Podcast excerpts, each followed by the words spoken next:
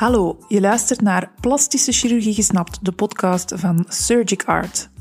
Wij zijn plastisch chirurg Nicolas Wilsons. En Margot den Hond. En het is ons doel om jou een realistische kijk te geven op wat wij doen en plastische chirurgie dichter bij jou te brengen. Ik ben Nicolas, ik werk in het Sint-Trudo ziekenhuis en in de Essence praktijk, beide in Sint-Truiden. En ik ben Margot, ik werk in het ziekenhuis Limburg in Genk, Lanaken en Mazeik. Je kan ons vinden op Instagram en op Facebook onder de naam @artinsurgery, telkens met een puntje tussen, of op onze website www.plastischechirurgielimburg.be in één woord. Welkom terug. We gaan er een hele praktische van maken vandaag. Ook een hele korte. Een, een, een frequently asked question, denk ik toch wel, voor postoperatief. Ja, namelijk een, een vraag die we soms horen, of, of een ongerustheid die we soms horen, namelijk, oei, dokter, er is een draadje vergeten. Ja, dat is vaak wat dat inderdaad, zoals Nicolas zegt, wel wat ongerustheid kan geven, soms ook wat verontwaardiging of, of wat dat wel blijft hangen vanuit het verleden. Als iemand een hechting heeft gehad, dat er ergens een draadje is vergeten. En vaak wordt er dan al met een beschuldigende vinger gewezen richting chirurg, of richting verpleegkundige die de draadjes uh, moest uitdoen, of richting de huisarts terwijl dat vaak helemaal niet aan de orde is. Yes, we gaan dat een klein beetje proberen te duiden. Als wij hechten, dan kunnen we hechten met draad, maar ook met huidlijm of nietjes, daar gaan we nu niet op in. Als we hechten met draad, kan dat verteerbare of niet verteerbare draad zijn. Die keuze die is onder andere afhankelijk van de plaats die gehecht dient te worden op het lichaam, afhankelijk van het type weefsel dat gesloten dient te worden. We hebben daar al een keer een andere podcast over gemaakt ook, over de manieren waarop dat de weefsels gesloten worden.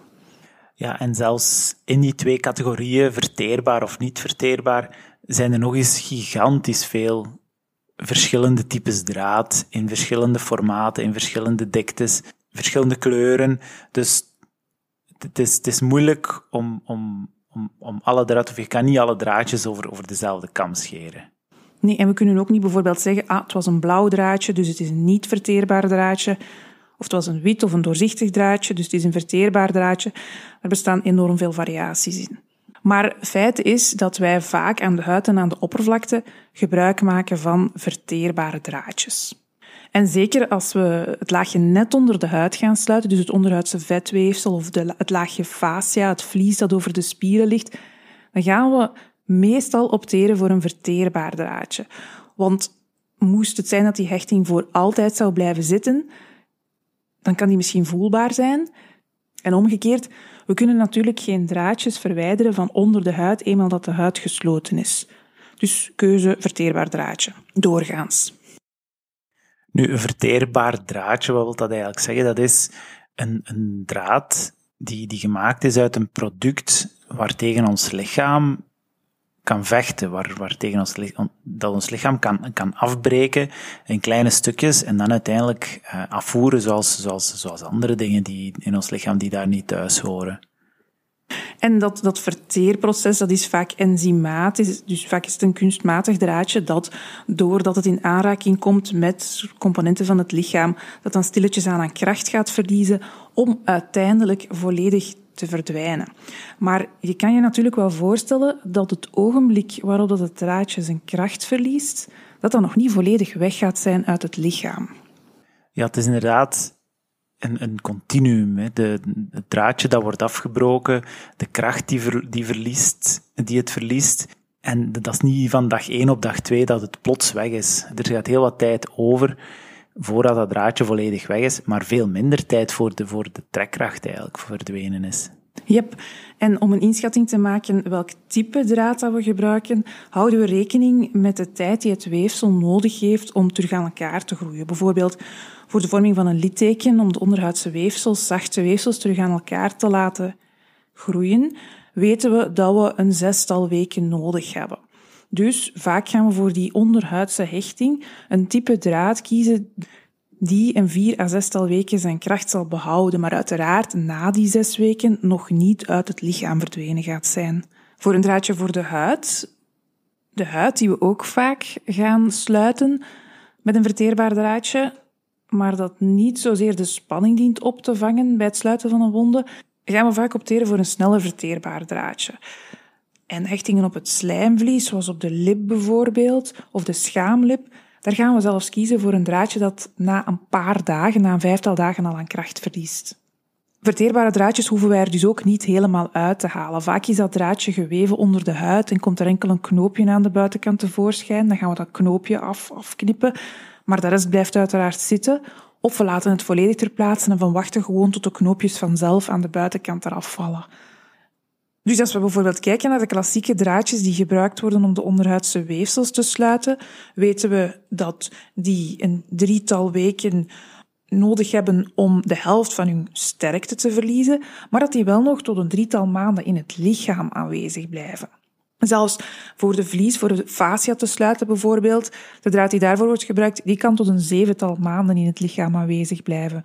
Huiddraadjes daarentegen, die gaan dus wat sneller verteren, afhankelijk van wat er gesloten dient te worden. Gaan, gaat een huiddraadje een viertal maanden in het lichaam aanwezig blijven. En dat heel snel verteerbare draadje, bijvoorbeeld voor de slijmvliezen, dat gaat toch nog altijd een zestal weken in het lichaam blijven. Ook al gaat dat na vijf dagen al de helft van zijn kracht verloren hebben. Ja, en in een ideale situatie breekt ons lichaam dat dus helemaal af, dat draadje. En dan merk je daar eigenlijk heel weinig van. Maar het is helaas niet altijd een ideale situatie. En dan, dan zien we soms dat ons lichaam moeite heeft met dat af te breken. En dan zien we soms dat, dat stukjes van dat draadje naar buiten komen, dat ons lichaam dat een beetje naar buiten stuurt. En dan krijgen we dus vaak te horen van ja, er is een draadje vergeten, of, of, of zelfs ik ben allergisch aan die draad.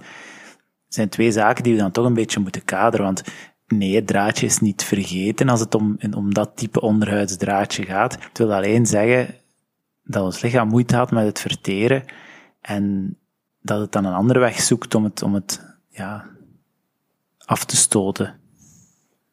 Ja, soms wordt er dan een soort van obsessie rond dat draadje gevormd en komt dan naar buiten en dat noemen we spitting van een draadje. En vaak is dat na het consult waarop dat de wondcontrole gebeurd is, en dus eventuele knoopjes zijn verwijderd. En waarop dat ook al is meegedeeld van oké, het draadje gaat verteren, maar komt dat pas in een latere fase na een aantal weken tevoorschijn. Wat gaan we dan doen? Dan gaan we adviseren om die zone waar dat draadje tevoorschijn komt of een wondprobleem vormt, om die zone lokaal te verzorgen door dat te ontsmetten. En als er iets naar buiten komt van een knoopje, dan kan dat verwijderd worden, al dan niet na een controle bij ons of bij de huisarts. Maar het is zeker niet zo dat als er een paar weken na de eigenlijke wondcontrole nog draadjes of, of kleine, kleine puntjes of wondjes tevoorschijn komen, dat we onmiddellijk heel ongerust dienen te zijn of beeldvorming uit te voeren. Want stel dat je bijvoorbeeld een echografie zou doen van deze zone, dan kan er inderdaad nog altijd vreemd materiaal, dus een draadje te zien zijn, dat nog in het proces is van te verteren, dat al wel zijn kracht verloren heeft, maar dat nog niet volledig uit het lichaam verdwenen is. Nu, missen is natuurlijk menselijk. Hè. Dus het zou natuurlijk altijd kunnen dat er toch wel een niet verteerbaar draadje vergeten werd. Als je ongerust bent, contacteer gewoon je arts. Um, hij weet vaak gewoon zelfs al uit zijn hoofd welke draadjes er gebruikt zijn, bij welk type operatie. Dat gebeurt allemaal heel routinematig. Dus neem contact op, stuur dus noods een foto op. Hij of zij gaat je zeker kunnen verder helpen.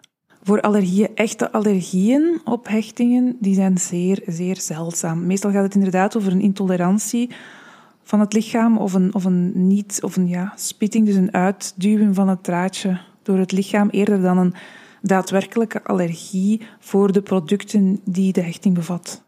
Ja, ik heb dat persoonlijk nog nooit gezien, een allergie op een draadje. Nee, dat is zeer zeldzaam beschreven in de literatuur, maar het gaat meestal dus over een, eh, een reactie van het lichaam om dat naar buiten te duwen, omdat dat een vreemd materiaal is. Correct. Ziezo, ik denk dat hier inderdaad de belangrijkste boodschap is. Bij twijfel contacteer jouw behandelend arts. Of laat jouw huisarts even navraag doen bij de chirurg of bij degene die de hechting uitgevoerd heeft, om te weten welk type draad er precies gebruikt is en of er dus ongerustheid dient te zijn over een achtergebleven draadje.